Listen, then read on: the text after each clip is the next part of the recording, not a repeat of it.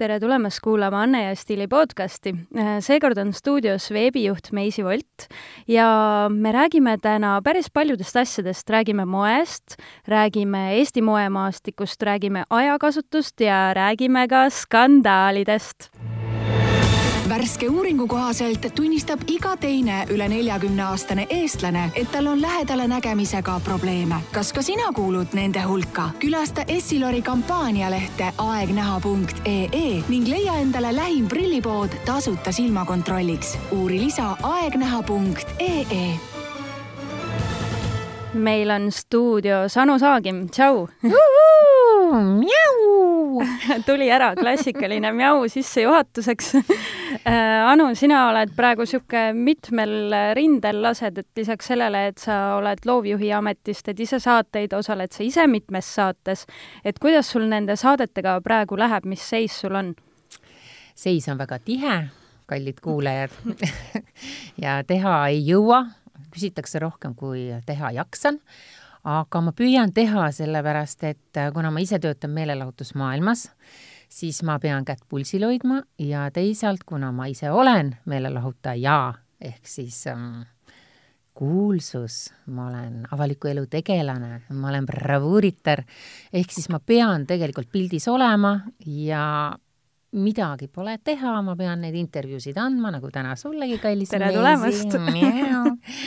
ja vot see on natukene raske. Ja ma täna muuseas siia teel olles mõtlesin selle peale pisut ja mõtlesin ka seda, et kas pole kummaline, et, et minu puhul ongi nagu sellist kaks, kaks tihedust üksteise peal, et, et ma teen ise uudiseid teistest inimestest, kuulsustest, äh, käin nendega hommikusöökidel, äh, kutsun neid Puuduta mind saatesse ja siis ma pean leidma aega ka selleks, et teised saaksid minust saateid teha ja minust artikleid kirjutada ja minust fotosessioone teha ja, ja, ja eile just helistas mulle, helistati mulle Soomest, kusjuures pange tähele, ma jagan ennast kahe maa vahel, ma pean mõlemal maal kuulus olema, nii Eestis kui Soomes. Ja helistati helistati Soomest ja taheti, et ma kohe homme õhtul oleks mingis väga popikas äh, meelelahutussaates. Ja ma tõesti esimest korda, no võib-olla elus teist korda, okei okay,, kolmandat korda, ütlesin ära ja ma ütlesin, ma tõesti ei tule, sest see on nüüd esimene nädalavahetus, mis ma nagu planeerisin juba nädal aega ette, et ma veel võtan sellest äh, vananaiste suvest viimast ja, ja Vau, üksteist kraadi, pane hullu, Anu ma lähen ujuma veel ka kusjuures, et, et et, et nagu ma tahan selle viimase veel rebida ja ma ütlesin täiesti kolmele asjale tegelikult ära, kust ma oleksin võinud ka raha teenida, sest soomlaste puhul on see tore asi, et kui sa annad neile intervjuu, siis äh, selle eest makstakse Eestisse vist nii kaugele ei ole jõudnud, eks ja, ole, ei jõua nii pea või? ei jõua ka ilmselt jah, et ja, ja selles mõttes on, on see tore, aga seekord ma vaatasin peeglisse ja mõtlesin, et Anu, et sa vajad ikkagi seda ühte hingetõmmet, et ülejäänud nädalavahetused on mul täiesti täis. ja ongi nii, nädala sees teen tööd, ehk siis olen Õhtulehe veebi veebis ja, ja nädalavahetustel olen lükanud siis äh, mingid saated ja, ja ka mingid pikemad intervjuud ja, ja fotosessioonid. kuule, aga ikkagi mina tahan teada, mis asi on selle ujumas käimisega, et võimalikult, mida külmem ilm on, seda parem, et äh, kas see on siis, mida see sinu kehaga teeb, et miks, miks mina peaks hakkama ka ujumas käima niimoodi? kallis Meisis ja ei ole veel nii vana no aga räägi siis, ma ikkagi jaa, tiksun ka juba kolmekümnendaid, ma tahan neid saladusi teada kõike, see tundub nii jube, see sellise ilmaga ujumine ei, no kui sa oled ujunud terve suve, käinud vees regulaarselt, siis see mm, selline slow äh, üleminek sügisel äh, on täiesti vapustavalt lihtne, võin ma kinnitada. ja see ongi see mentaalne hetk, et kui ma sinna vette lähen ja ta on isegi pisut ärritavalt külm, siis äh, vot selleks hetkeks ma pühin oma mälust absoluutselt kõik, nii head kui halvad asjad, ehk siis ma keskendun sellele, et ma ületan seda ebameeldivuse piiri või talutavuse piiri. ja, ja võib-olla see on minu restart, ehk siis ma tulen sealt välja veest, sellest külmast veest ja ma olen uus inimene, nii lihtne see ongi ja kuna ma olen kuulnud, et see aitab juba kaasa igavesele noorusele, siis kuulge, müüge mulle ükskõik mida, öelge, pange sinna juurde see silt, et forever young ja see on müüdud mulle no aga räägi siis veel, mida, mida siis sa veel teed? selleks, et hoida oma keha ja vaimu erksana ja, ja noh, sügis on ka niisugune juba pime aeg, et äh, lisaks ujumisele, mida sa soovitad siis? Ma toitun kindlasti normaalselt ja aasta-aastalt ma olen üha tähelepanelikumaks muutunud selles osas ja ma võin minna kas või näiteks teise linna otsa, et äh, hankida endale just see õige leib või see õige kalatoode, kuum to-, kuum teema antud hetkel, mhm. kala, kala, kala. igasugused kalad, kõik on mürgitatud, midagi ei tohi süüa, naised jäävad praksti vanaks just, jäävad vanaks või surevad ära kohe. Ja, ja see pole üldse naljakas, tegelikult see on mhm. hirmuäratav, et, ähm, et tänapäeval on selline probleem, sest et kui ma ketran enda aega tagasi noorusesse, siis me sõime ükskõik mida ju toit oli puhas, loodus oli puhtam, kõik oli puhtam ja ma arvan, et see on andnud mulle ka mingisuguse sellise stardiplatvormi, et ma olen ikkagi väga-väga sellistes heades puhastes oludes, tervislikes oludes üles kasvanud, aga täna ma kahetsustundega pean jah vaatama, et et kõik läheb üha mürgisemaks ja, ja siin on kaks võimalust, et ole siis üldse söömata ja joomata, on ju, või siis näe vaeva selle jaoks. aga see on tõmmanud ka selle asja tagasi, et kuna üha vähem asju on kvaliteetsed, siis ma tänu sellele ka söön vähem. Ma armastan süüa, ma armastan head toitu, aga et süüa tervislikumalt, et äh, selleks peab tohutult vaeva nägema ja mul ei ole selleks alati aega, siis ma jätan pigem mingid ampsud tegemata ja teate, ütlen teile lõppkokkuvõttes ausalt. pahuraks ei muutu ei, isegi see leib ja või, lihtne leib ja või, kui sul on kohutavalt suur nälg, on ka paremad, kui et sa võtad seal mingisuguse vorstilõigu, keeduvorst my god, viinersardell. seal ei ole liha üldse sees. aga Kar... nüüd ei või ka liha süüa ja räägitakse ju, et. Ähm, et grillvorstid ja kõik need asjad, ma ei mäletagi, millal ma olen grillinud vorsti ja, ja mm, -hmm. ja nüüd ma kuulsin ka, et kõik need, okei okay,, ma tegelikult armastan suviti grillida. aga nüüd tuli välja, et see on ka kohutavalt mürgine tegevus uh-huh, ma ei tea, no lihtsalt tuleb ma.... varsti on elurõõmud läbi kõik. aga vanaema leib ja oma porgand ja, ja eks mm. nii kaua, kui seda saab teha, eks ole. absoluutselt aga Anu, sina oled see inimene, kes ei ole kaasa läinud nende kampaaniatega, et mina septembris ei joo ja, ja alkohol sulle ikkagi ka meeldib, sest muidu on ju niisugune populaarne asi öelda, et et, et kui sa oled tervislik, siis sa pead umbes söömagi seda porgandit ja alkoholi poole ei tohi vaadatagi. et sa oled nagu selles mõttes selle tervis, mm, eluterve võib-olla suhtumise jätnud, et sulle meeldib veini juua ja, ja sa seda nagu jood, on ju.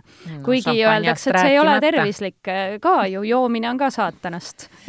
Ei, päris nii ei ole, vaata aastaid on ju räägitud, et vein on ikkagi kuidagi õigetes kogustes meile tervislik, aga siin jällegi õige vein, vaadake, millist veini te joote, et et võimalikult vähe siis igasuguseid mürkaineid, et viinamarjad oleks pritsitud, et ähm, ma väga otsin neid veine, mida ma joon tikutulega, neid on, neid leiab Eestis, aga, aga neid tuuakse maale vähe ja ma olen ka küsinud, et mis toimub, sellepärast et tavaliselt nendes poodides poodidest, kus ma seda veini hangin, siis öeldakse, et jah, et otsas, otsas, otsas, otsas. vahepeal mul oli täiesti selline tunne, et appi, et ava või oma veini lounge mm. -hmm. ei hakka ise maale tooma, aga põhjus on ka lihtne, sellepärast kuna seal on säilitusaineid vähe, siis need veinid väga pikalt ei seisa, neid võetakse, tellitakse sisse väikestes kogustes ja ja see tekitabki selle, et nõudlus on suurem, kui siis seda jõuab, jõutakse Eestisse tuua mm. -hmm. no muudame siis äh, praegu teemat äh, tervislikest äh, toitumistest, eluviisidest sinu saadete juurde ja nüüd läheb, laupäeval läheb eetrisse selline äh, moeloojate saade, mis sünnib koostöös Tallinn Toolsiga, kus sina oled siis ka hakanud moeloojaks siin Brauhti üle päeva, et et äh, miks? ma olen sellest alati unistanud, et saaks teha just neid riideid, mida ma kannaksin sellepärast et äh, meil on väga äkilised äh, moeloojad muidugi Eestis, mulle kohutavalt meeldib, meeldivad nad, nad laenutavad väga meelsasti mulle riideid, tavaliselt lõpeb see muidugi sellega, et ma ostan need välja sellepärast et mulle nii väga nad meeldivad. Ja ma olen väga-väga suures vaimustuses nendest, aga mind üks asi ärritab ikkagi, et ähm, et meie moeloojate käekiri jääb ikkagi läbi aastate läbi kümnete aastate, võib täna isegi öelda, samaks, ehk siis kui mulle kõnnib vastu Tallinn Tollsi pluusikene või kleidikene, siis ma absoluutselt tunnistan selle kohe kaugelt ära. ehk siis seal on see oma signatuur on juures, kui ma näen äh, Embassy of Fashion'i äh, tooteid, siis ma tean täpselt, milline on Riina Põldroos, kes on Aldo, kes on äh, Ketlin Pahman, et, et nad nagu hoiavad seda oma joont, mis on väga hea aga see tähendab ka seda, et mul on juhtunud väga ebameeldivaid olukordi, et ma olen näiteks läinud väga elitaarsesse kohvikusse või restorani ja ma olen avastanud näiteks, toome kohe Tallinn Talsi mängu et äh, disainerid on äh, disaininud näiteks sellele lokaali teenindavale personalile täpselt samasugused pluusid, millega mina astun siis sellesse samasse lokaali sisse ja enam ei tuntagi ära, kas ma olen siis teenindaja või ma olen külaline, onju. vabandust, neiu, valage veini mulle et see ei ole nagu meeldiv, et, ähm, et võib-olla ma ootaksin Eesti disaineritelt rohkem mitmekesisust ja plahvatuslikkust, ehk siis ähm, jah, loomulikult tuleb teha seda oma, oma käekirjaga loomingut, aga sinna sisse võiks nagu pikkida sellist, ütleme nagu äh, out of the box äh, mingeid üllatusmomente, võib-olla see, need võikski pisut kallimad olla, aga siis kannavad ka neid no ma ei taha jälle öelda välja valitud inimesed ja A, B, C kategooria no,. niisugune eksklusiivsuse maik tuleb just, juurde, on ju. et oleks, et nendel oleks siis ähm, aastate, kas või aastate lõikes siis ütleme, et nüüd on kaks tuhat kakskümmend tulekul, et siis äh, disainer mõtleb just sellele aastale kaks kakskümmend mõeldes midagi väga äkilist välja ja see jääbki ainult sellesse aastasse ja seda ei korrata enam tal on küll jah, need omad asjad, mis tal seal on, liptšikud ja niptšikud on needsamad, on ju, aga siis järsku tulevad sekka mingisugused värgid ja sa tunned muidugi ka need ilmeksimatult ära tulevikus.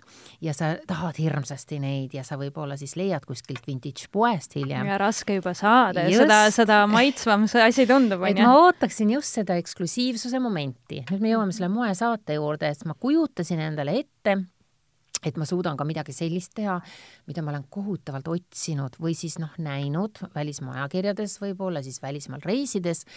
noh, alati rahakott ei kannata seda, sest me räägime ikkagi tuhandetest ja tuhandetest eurodest, mis sa võid panna ühe kleidikese peale. no ja palju sa ikka, minusugune ei saa ju seda kaks korda kanda. et mul ei ole isegi seda mõtet osta mitte. et, et nüüd jess, nüüd tuleb see moesaade, nüüd ma teen midagi sellist, et kui te kukute kõik pikali ja siis ma teen midagi sellist endale, et ma olen täiesti rahuldatud, ma saan orgasmi ja mis juhtus, voila, noh, loomulikult noh, olgem ausad, ma peaks kakskümmend neli seitse disainer ikkagi olema, ma oleks pidanud võtma võib-olla puhkuse paariks nädalaks. et, et sellesse, või mis paariks nädalaks, vähemalt paariks kuuks, et sellesse süveneda. Ja, ja niimoodi ma natukene tunnen, et ma tegin kogu seda värki natuke üle jala, sellepärast et panen täiesti, raputan endale tuhka pähe, hakkasin, noh, toon hea näite, et hakkasin Otile siin pintsakut tegema, onju, ja siis õudne meelel, keelel oli kõik ilus, samed, pehmed, oleks mõnus Otile kaisse pugeda ja siis. Otil on tüdruk olemas minu teada, aga noh. vot ja, ja vaatasin ka, et Otil on igavad riided, no ta on ka selline vend, kes ei julge eriti nagu et sinine, sinine. Ott on nagu tavaline Eesti mees ja, minu arust. oma sinisega, ma tean, et meeste lemmikvärv muuseas on selline sinine ja temaga sinine, sinine, sinine, noh, kraapisin siis välja mingi Bordeaux sameti ja ja unistasin seal väikestest detailidest, mis selle pintsaku juures oleks, mis selle vallatuks teeks. Ja mind eriti erutab, kui mees võtab pintsaku seljast ja siis see vooder nagu jahmatab mind näiteks. Ja siis tegin selle voodri tal sitasid ikka rohelise ja ühesõnaga nii edasi ja nii edasi. Ja seal oli momente ja siis jõuan mina proovi siis, pintsaku proovi, pintsak peaks valmis olema, oppa ja okei okay,, ma, kui me pidime ju kõik ise joonistama ka need paberile ja, ja pluss. no disainerid ikkagi ja mõõtude ja värkidega, no mina tegin sellise kunstilise, visualiseerisin selle lihtsalt siis värvitoonide ja siis ähm, tegumoega. no loomulikult õmbleja ei saa sellisest käekirjast aru, et kui Picasso ikkagi joonistab mingisuguse ülikonna sinna, siis, siis ka Picasso moodi see välja kukub, olgem ausad, ja siis kui Ott selle selga pani, siis appa, pidi näbi pärast maa alla vajuma okei okay,, pintsak ei tulnud mitte midagi välja, siis äh, õmblejad ja siis Tallinn Tools mõtlesid ka kähku, kähku, kähku, mis me nüüd jõuame sellest asjast teha, no teeme sellest bomberi nagu ümber siis, et noh, et et äh, noh, ta võib natuke lõdvemalt seljas nagu istuda oih, bomber peab olema avar. me tegime kitsa pintsaku, kuidas sa teed kitsast pintsakust bomberi, bomber jacket, et äh, ei õnnestunud. Oh my god, hakkasin nutma juba, nii. Bomber jacketist ei jäänud midagi muud üle, tuli lõpuks vest kukkus siis välja, no siis ma olin täiesti hüsteerias. Aga alati, kui sa nagu noh, kui see asi läheb juba nii üle võlli, et kõik on pees sõna otseses mõttes, noh siis lõpuks ma hakkan ikkagi hüsteeriliselt naerma. ja ma arvan, et siis ma Tallinn Fashion Weekile muidugi tulla ei julge, ma organiseerin endale selleks ajaks midagi muud, sest ma kardan, et Ott peab tulema siis lavale lihtsalt selle higipaelaga ümber otsmiku sellepärast et sametise higipaelaga. sametisest äh, pintsakust jäi järgi üks õnnetu riba lihtsalt. et ütleme nii, et ma ei saanud sellega hakkama, aga see oli nüüd teistele disainimine, aga enda mm -hmm. üle ma olen väga uhke, sest et okei okay,, ma oleksin võib-olla noh, ma olen kuidagi nüüd talve tulekul, november on ukse ees, detsember mm,, sameti lemb, aga mitte sellise tavalise sameti lemb, vaid sellise natukene Russian style, niisugune selline, mm, selline pehme, langev, natukene õhulisem samet. ehk siis, et kui sa selle selga paned, näiteks selle kostüümi, mis ma nüüd disainisin, siis ta kui sa talle vöö peale paned, siis ta on äkki pidulik, sa võid minna teatrisse, sa võid minna restorani väga kallisse, kui sa võtad selle vöö ära ja lased selle pintsaku natukene langeda nagu ja need püksid ka, siis, ähm, siis ta võib olla täiesti vabalt nagu hommikumantli asemel. No sa praegu räägid asjadest, mis on, mis võiks kuuluda juba meie niisugune baasgarderoobi, et mida me saame kanda nagu kenasti igal pool ja üle kujundada vastavalt äh, targale stilistikale aga ähm, ma tahtsin sellest Eesti moemaastikust veel sinu käest küsida, et, et noh, et äh, Eestis on väga raske kindlasti, ma kujutan ette, moeloojana ära elada ja eks nad peavad ju ka müüma eestlasele asju, on ju.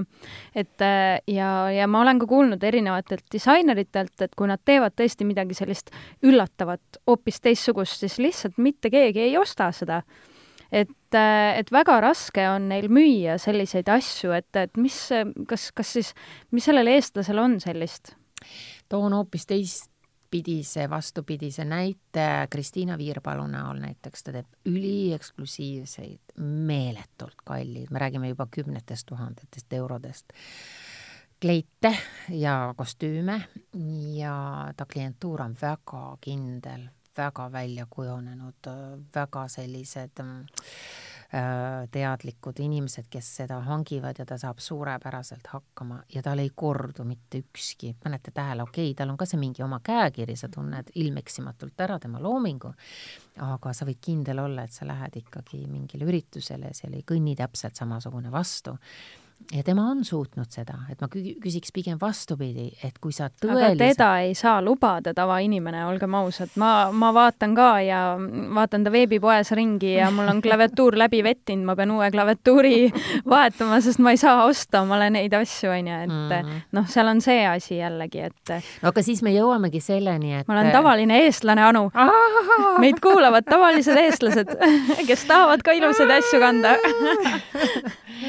no siis tuleb ikkagi, no vot, mina ei ole see inimene, ma ei oska nõud anda yeah., nõu anda second-hand'is nagu tust, tustimisele, sest see ei ole mul õnnestunud mm. -hmm. mitte, et ma selle vastu oleksin või et see kuidagi väkk mulle oleks, aga ma olen käinud seal üksi, ma olen käinud väga, noh, mäletad, sinugagi koos tegime, sellist yeah, oli sekka, sekkarite selline äh, et äh, pan-, pange nüüd riidesse, võtad isegi disaineri, moelooja kaasa, ma võtsin sinu kaasa, me õnnestusime väga hästi, su silm tabas väga häid, häid, häid asju äh, second-hand'ist, aga, aga mina, ma saan, ma ei saa sellega hakkama, see nõuab jällegi nii kohutavalt palju aega, see tustimine seal ja noh, sinna tulekski sukelduda, et mul on nüüd vaba päev, ma lähen sinna paariks tunniks. mitu tundi läheb ära. et see, ma ei saa endale seda ikkagi lubada mm. -hmm. et selles mõttes olen ma priviligeeritud, et ma võin tõesti kõndida põhimõtteliselt iga disaineri uksest sisse ja öelda, et palun laenuta mulle mingi asi kuigi ma pean sulle ütlema, mis mind ennast ärritab vahel, kui ma olen mingisuguse kuulsa inimese seljas näinud mingit asja ja see inimene on veel selline, kes mulle väga ei sümpatiseeri, siis kui see isegi, oletame nüüd see pintsak, mis ta seljas on, mulle kohutavalt meeldib, aga ta on juba tema seljas olnud. üles pildistatud, jah. just, kas ma siis tahan seda nii väga? ei taha. on enda käpa sinna nagu juba märgi külge pannud. et mm -hmm. siin on jälle, tuleb see Eesti väiksuse teema, et see on nii kohutav. samas ma ei saa jällegi mitte midagi öelda, iga kord, kui ma olen kuskil saates või teen mingi intervjuu, siis ähm, meie iluhoolikute iluhoolikud.ee äh, mailbox on täis, inimesed kirjutavad Messengeris, küsivad nii et äh, mis asi see sul oli, kust sa selle pluusi said, ma tahan täpselt sedasama, kuni sukapüksteni välja. ma olin viimati kahes saates ja kujutad ette, inimesed olid, olin Teet Margna saates ja siis olin enda mingisuguses äh, äh oli Puuduta mind saade vist. Ja mõtle, inimesed olid märganud, et mul olid mingid special sukkpüksid jalas olnud, täiesti tavalised matid, ihuvärvi mingisugused. Ja, ja inimesed olid neid tähele pannud ja nad tahavad nüüd pilti ja nad tahavad seda brändi nime ja nad tahavad kõiki selliseid asju, et inimesed ikkagi panevad tähele, et vahel nad ikkagi tahavad sedasama mm -hmm. asja, mida sa kannad või teie särki, mis sul on seljas. see pean... kuidagi inspireerib võib-olla ka ja. mõtlema ikkagi ka neid asju, jah. ja et ma juba jõudsin tilulillutada saada selle äh, T-särgiga ringi, mis ma nüüd tegin ka sinna moesaatesse Tallinn Dollsi alt ja seda, seda särki, seda mul on ainult üks praegu, aga seda on juba kümme tükki on nagu tahtnud seda ära mult osta, et ma mõtlesin, vot, et no, no varsti saab osta seda Lindolsi veebipoest, et et selles mõttes see on ülihea reklaam ikkagi jah, ja mm, -hmm. ja tegelikult mulle meeldib see mõte ka, et tõesti, et noh, mulle on näiteks sinu käekiri meeldinud, kuidas sa oled riietunud, ma nüüd saan sinu disainitud asju.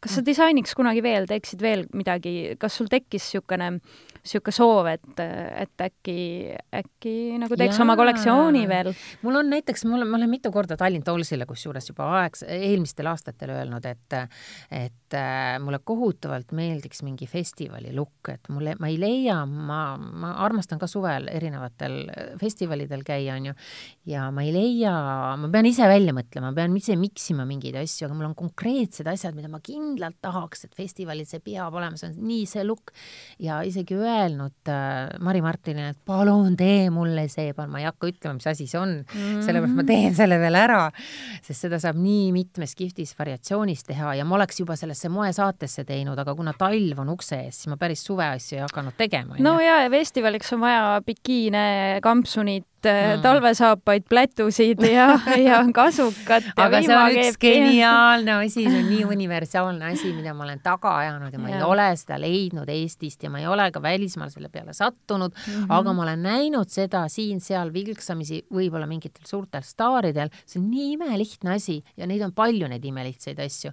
sest minu meelest, kui sa käid suvefestaritel, sa pead ikkagi erinema, eristuma ja sa pead, ja see peab efektikas olema mm, -hmm. sa pead ikka samal, samal ajal silma tahma festarid on ikkagi niisugune nagu näitamise koht. just, no absolutely. ja, ja sellise kollektsiooni ma tahaks absoluutselt näiteks Island Sound mm -hmm. kollektsiooni teha, et äh, kuna mul mhm. on selle järgi iseendal vajadus mm -hmm. ja vaata mhm. sellised suvefestivalid, noh, ma võtan praegu Island Soundi lihtsalt, et et see kestab ka mingi kolm-neli päeva, ma ei saa ju samade riietega käia need neli päeva seal, et, et et ja ma tahaks, et see oleks siis varba otsast kuni juuksejuurteni, et seal on need siis saapad, eks ole, noh, seal on tavaliselt kas siis porine on ju Eesti kliimas või tossudest kuni siis ähm, juuksetutini oleks seal see disain äh, nagu välja mm -hmm. mõeldud, et see oleks nii äge ja, ja ideid mm -hmm. mul jagub. väga lahe, siis, siis võiksid teha küll aga mm, räägime nüüd ka vaata sügistalvest, et äh, äkki mingisugused äh, soovitused, mida, mida võiks just sel, sel sügistalvel nagu inimeste garderoobis veel olla, et noh, festivalid on veel natuke kaugel, aga võib-olla mingi niisugune must-be asi, mida võib-olla natukene Eesti naised on alahinnanud pisut no ma lähen ikka selle Sameti suunas yeah., et kui te vaatate seda nüüd, seda moeloojad, vaata, mul oli Samet, kui öeldi Samet vanasti mm, -hmm. siis Samet oli ikkagi natuke pisut jäik, on ju, no ütleme, see Draamateatri tool. ta on nii soe jälle. jaa, Draamateatri yeah. tumepunane tool, on ju. et kui te nüüd seal moesaates vaatate seda Sametit, ähm, mida mina kasutan, siis see on hoopis teistsugune Samet ja ma soovitan Sameti puhul mitte minna, kuigi see oli ka ilus, ma tegin selle veini punase ikkagi ära, selle klassika, selle äh, teatritooli loki, aga veits pehmem ja aga, aga see oli ka ilus, ma tegin küll vastandvärvide, ma tegin nagu natuke panin kreisid värvid kokku, et pintsak oli ühte värvi, siis püksid olid hoopis äh,, ma tean, Mari-Martin ütles mulle, et ei, ei, ei, see ei, ei, no see ei, ma ei, ma ei taha seda värvi nime praegu öelda, eks ole, vaadake ise saatest et nii ei lähe ja siis, kui ma ikkagi jäin endale kindlaks ja ma tegin selle ära, siis see, see on nii suurepärane, no see on mm -hmm. nii kihvt, see sobib kokku. ja samas ta sobib, see Bordeaux sobib ka Bordeaux Bordeaux'ga. et, et seal ütleme niimoodi, et sa seal hangid nagu mingi neli tükikest nagu rõivapiisi, ütleme püksid, pintsaks seal mingid asjad, aga lihtsalt neli erinevat või ei, isegi kaks erinevat värvitooni ja miksid äh, siis äh, neljaks jagad siis, eks ole, Bordeaux, Bordeaux, taha saa öelda nüüd seda värvi, mida ma kasutasin, see värv selle värviga ja siis mhm. see värv Bordeaux'ga ja Bordeaux jälle teistpidi selle värviga. ja siis seal sai ehetega mängida, et, et ma ikkagi soovitan seda ja siis see vöö, kui palju see andis nagu, et ma tegin ka sellise mm, pikas ametise vöö, kus olid sellised romantilised tupsukesed otsas ja siis, kui ma võtsin selle vöö ära, siis ta, ülikond oli hoopis teistsugune, panin selle vöö peale, ta oli hoopis mingi hoopis teine riietusese. kui palju ühe väikese detailiga saab nagu mängida, panin ehted juurde, võtsin ehted ära, oli jälle hoopis teine look mm. -hmm. et, et vaadake seda kindlasti, et ma, mul on lihtsalt kahju, et päriselt ka, et seda aega jäi kohutavalt väheks, et, et et mul sealt ideid lendas nagu välku, aga, aga kõike ei jõudnud kahjuks teostada no aga vähemalt siis äh, see on meil olemas, Samet kostüüm peab olemas ja olema ja ma vaatasin ka, noh, kuna ma ise LP moe külge panen kokku, et samamoodi tegelikult see, et niisuguseid erinevaid värve kokku sobitada, see on äh, praegu see teema, et me oleme küll kandnud siin ma ei tea, kevad-suve läbi neid äh, ühesuguseid pükskostüüme, on ju, aga, aga praegu ikkagi mida crazy m, et pane tõesti need kolm-neli värvi, mis ei tundu omavahel kokku sobivad, pane need mhm. kokku mm -hmm. ja mine kuhu tahad, on ju. just nimelt need, mis ei tundu kokku ja. sobivat, et ma soovitaks nüüd seda. mugavustsoonist välja veits, on ju. ja see aeg on ka möödas, et vaata, vanasti me mõtlesime, et oo, kingad, vöö ja kotihki peavad ühte värvi olema. kui ma täna näen seda, ma hakkan karjuma, väkk et see ei lähe kohe mitte, kingad kindlasti täiesti, täiesti teisest maailmast, eriaktsendiga, kotist vööst rääkimata. kuigi ma vaatasin nüüd ma vaatasin nagu maailma mastaabis ja vaatasin ka meie kaubamaja seda sügiskollektsiooni, kus sina ka kohal olid, on ju, et seal oli hästi huvitav, oli jälle see, et see, see üks toon oli läbiv, eks ole, et kui sul oligi Bordeaux, siis sa olidki kingadest kuni siis mütsini olidki Bordeaux, aga seal oli üks väike tore aktsent, kõik need Bordeaux värvid olid eri eritouch'iga natukene mm. -hmm. erinevad varjundid Just. või siis natuke erinevaid kangaid. jah või..., et see oli nagu hästi lahe ka, et või siis täiesti crazy'ks minna, just täpselt nagu mm -hmm. sa mhm. ütlesid. aga, aga ikkagi, mida noh, mina veel ei ole selles vanuses veel ära õppinud, on see, et et ikkagi su nahatoon, juuksevärv, need on nii kohutavalt olulised tegelikult, millega tuleks arvestada ja see annab nii palju juurde, kui sa tajud selle oma nagu selle värvi ära selle sinu oma värvi. kas need on need sügis, talv, kevadtoonid veel? Kas ja, sa mõtled seda? ja põhimõtteliselt ka seda, aga see on see midagi, vaata, sa tunnetad ju ise ka ära, et kui, kui ma võtan, noh, mul on siin kaasas, eks ole, sinepikarva kampsun, kui ma panen selle enda juurde kuidagi oma näo lähedale, siis see, see, kuigi öeldakse, et kollane on õudne toon, et see väga vähe, vähestele sobib. ja oranž ka vist. ja absoluutselt, need on mu lemmikud, need on mu totaalsed lemmikud.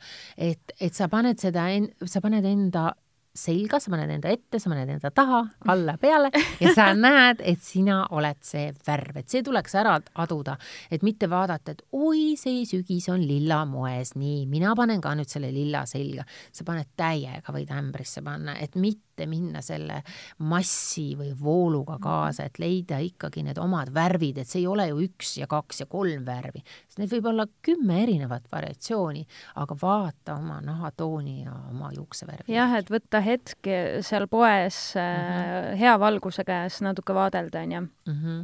aga teeme hingetõmbepausi ja, ja me peame rääkima Anu skandaalidest, sest sa ometi oled skandaalitar ju värske uuringu kohaselt tunnistab iga teine üle neljakümne aastane eestlane, et tal on lähedale nägemisega probleeme. kas ka sina kuulud nende hulka? külasta Essilori kampaanialehte aegnäha.ee ning leia endale lähim prillipood tasuta silmakontrolliks. uuri lisa aegnäha.ee Äh, Anu, kas sa oled endiselt ainus skandaalitar Eestis? tundub, ma olen ainus bravuuritar, ma olen ainus skandaalitar, ma olen ainus šampanjatar. milline on skandaal, mille üle sa oled kõige rohkem uhke iseenda skandaal või? no või mis sa oled põhjustanud või no mulle ta meenub niimoodi laksust, meenub äh, ikkagi Pühavaimu disko, Pühavaimu kiriku nagu Madonna kontserti afterparty. kuna Madonnal oli vist samal päeval ka sünnipäev, siis kahju, et ta ise ei saanud meiega ühineda, ta lendas kohe minema, aga meie korraldasime igal juhul peale Madonna kontserti siis Pühavaimu kirikus Äh, väga ägeda afterparty. millal see oli? olid kõik kohal täpselt kümme aastat tagasi, no millal. Madonna käis meil Eestis mm. -hmm. ja siis, äh, kus olid kõik kohal ja mitte keegi ei tunnistanud hiljem, et ta kohal oli sellest ma mäletan, et noh, see mulle nii õudselt meeldis, et ajakirjanikud hakkasid jahtima, ma ei hakka neid nimesid praegu üles loetlema, kes seal kõik olid, sest lihtsalt minestaksite, nad olid seal kõik kohal ja teate, kelle nad lõpuks siis persest kinni said kes oli nõrgem lüli? kõige nõrgem lüli oli Taivo Piller, minu väga hea sõber, vaeseke. siis see ei saanud midagi aru ja tema tõmmati, talle tõmmati täiega kott pähe, sest kõik oskasid kuidagi laveerida väga viisakalt äh, kuidagi sealt nagu nagu ta oleks üksi peal käinud. ja, ja teate, kui naljakas, me naersime seda aastaid. täpselt selline tunne oli, et sellel pühavaimu kiriku peol oli ainult kohal Taivo Viller ja mina aga kuidas, kuidas see üldse võimalik oli, et sellises kohas teha pidu, kuidas teid sisse lasti? ma ei saa paljastada, see oli nii uskumatu story, see oli nii uskumatu story, et, et see on nagu see, see saab ainult, vot see oli jumala poolt korraldatud pidu, päriselt ka. aga mis te tegite seal kirikus? aga me pidutsesimegi, et no, altaril oli siis äh, altaril oligi DJ pult, ma ei saa jälle DJ nime öelda, sest et ka tema ei tunnista, et tema seal taga oli, aga ta on väga tuntud, väga kuulus Eesti DJ, väga armastatud. E, eks ma oma eluloo loo raamatus räägin sellest täpsemalt, aga tema oli seal puldis siis. Ja, ja mul oli äh, tellitud firma, kes siis pakkus alkoholi ja snäkke, oli tuleshow, kujutate ette, kiriku õues seal oli tuleshow oli, äh, mängiti saksofoni väljas, õues oli ka chill, meil see ilm oli normaalne minu meelest oli augustikuu siis ja see, sees käis nii räme pidu, et kui ma läksin vahepeal Püha Vaimu tänavale, seda ma pidin minestama. ma läksin mingite inimestega sinna, mõtlesin, räägin eemal natuke telefoniga, seal käis selline tümakas ja ma mõtlesin, what the kirikus. fuck, kirikus, et mida inimesed mõtlevad, mis seal öösel toimub. sest see käis, pidu käis ikkagi hommikuni ju ja mõtlesin ja kõik, et kuidas öösel ei tulnud politsei eskort kohale, et mida nad mõtlesid, kust see tümakas tuleb, see tuli kirikus, tuled välkusid sees, see päris hirmuäratav oli vaadata. Ja siis ma, siis ma eraldasin ka terad sõkaldest too öö kusjuures, et äh, oma sõpruskonnast ma leidsin need inimesed siis sel ööl, kes siis lõid ilgelt põnnama ja kes siis tiirutasid ümber selle kiriku ja hoidsid peas kinni, ütlesid, nemad ei julge sisse tulla, et kohe tuleb politsei, kohe tuleb eriüksus, kohe tuleb vapo, kohe vahistatakse, kohe arreteeritakse meid. Ja ühesõnaga nagu siis hoidsid eemale ja agiteerisid seal eemal inimesi mitte sisse, noh, minu enda tuttavaid minema. aga need, kes seal sees olid, need olid siis äh, väga happy'd ja, ja see oli üks äge pidu. aga kuidas see õnnestus meil, see õnnestus nii, et see kiriku valvur, no kutsugem teda siis Quasimodoks, kes mm -hmm. hoidis sellel kirikul silma peal tol ajal, nendel aastatel. temal oli täpselt samal päeval muuseas sünnipäev ja see sai, läks lihtsalt kunagi jutuks, ta oli meie hea tuttav, minu ja Tuuli Kochi hea tuttav, siis kui me veel Postimehes töötasime. ja siis äh, lihtsalt ükskord seltskonnas tuli jutuks, Madonna kontsert oli ukse ees ja kuidagi see härra ütles, et temal on samal päeval sünnipäev. Ja harva, minul ei ole vaja kaks korda öelda, onju, Pühavaimu kiriku valvuril on samal päeval sünnipäev, kui toimub Madonna kontsert ja Madonna sünnipäev. sarved kasvasid mu peast kohe välja sellel samal hetkel ja ma ütlesin talle, et kuule, et see aasta peame sinu sünnipäeva, peame seal kirikus.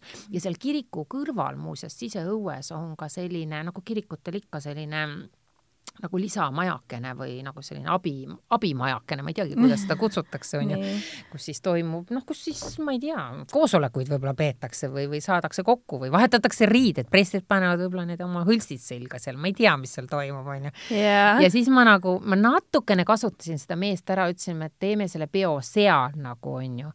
tema A teadis, et kõrvalhoones on pidu üldse ei, ja siis ma ütlesin, et aga noh, tore oleks ju, kui me nagu noh, vahepeal saame, et kirikuuksed on ka sees seestpoolt lahti, aga me ei läinud nagu tänavalt sisse, me saime õnneks need väravad nagu sealt tänava poolt sulgeda, et siis me läheme sealt siseõuest nagu siis sinna kirikusse.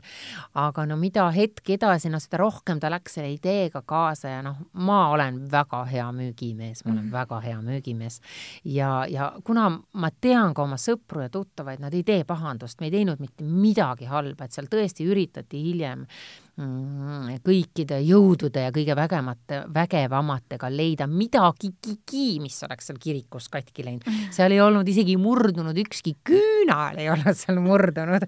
et, et kõik oli väga perfektne, need inimesed olid tõesti normaalsed, keegi ei joonud ennast maani täis, ei hakanud oksendama, ei laaberdanud seal lollusi ei tehtud mm. -hmm. aga kõik lihtsalt nautisid seda atmosfääri ja, ja baar ja see lounge oli meil tegelikult kiriku õues avatud, et me isegi alkoholi alkoholi sündsustundest ja viisakusest üldse kirikusse ei tassinudki, me lihtsalt tantsisime seal mm. -hmm. ja siis ma mhm. alati mõtlesin, et issand jumal, milles te mind süüdistate, et kontserte peetakse ju kirikutes nii või naa, gospel-laulud, inimesed tantsivad, lähevad ekstaasi, miks meil Eestis on kõik nii oe, ma kohe suren ära, issand, kui kurb, kirikusse sobivad ainult pisarad ja lein.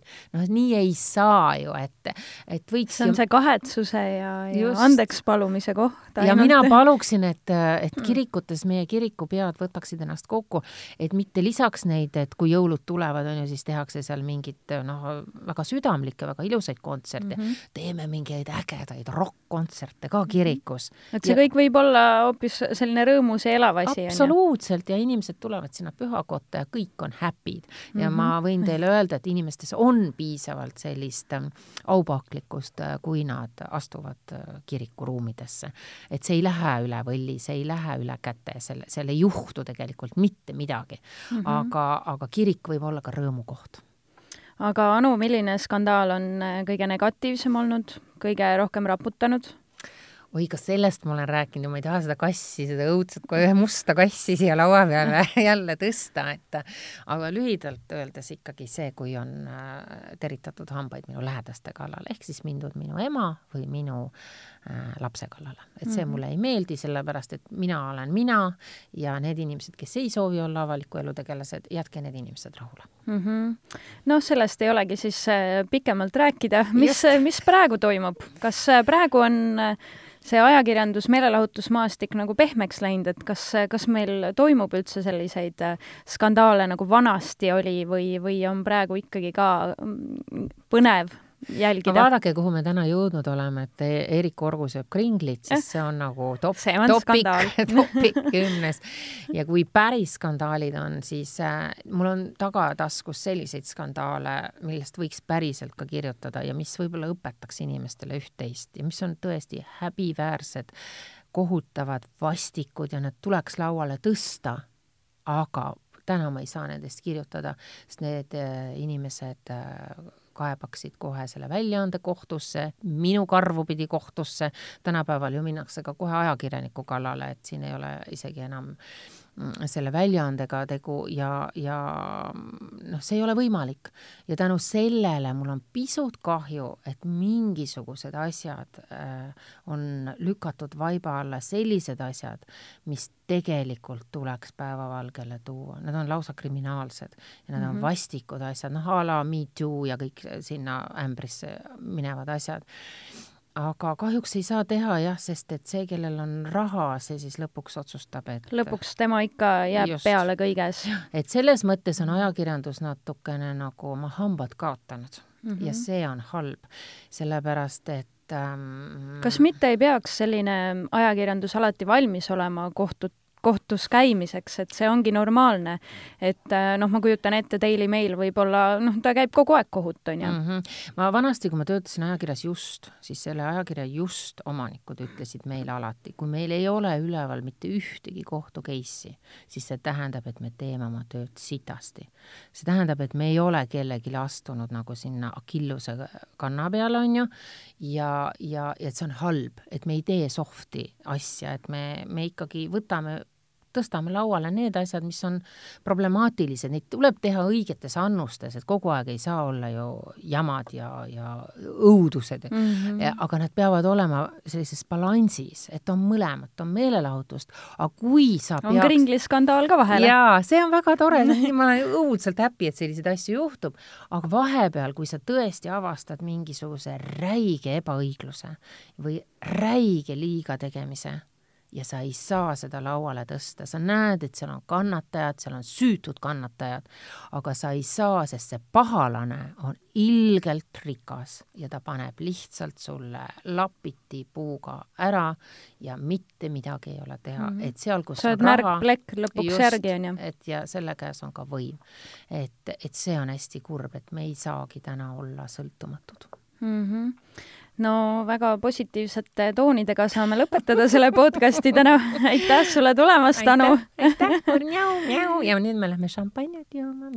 Bye!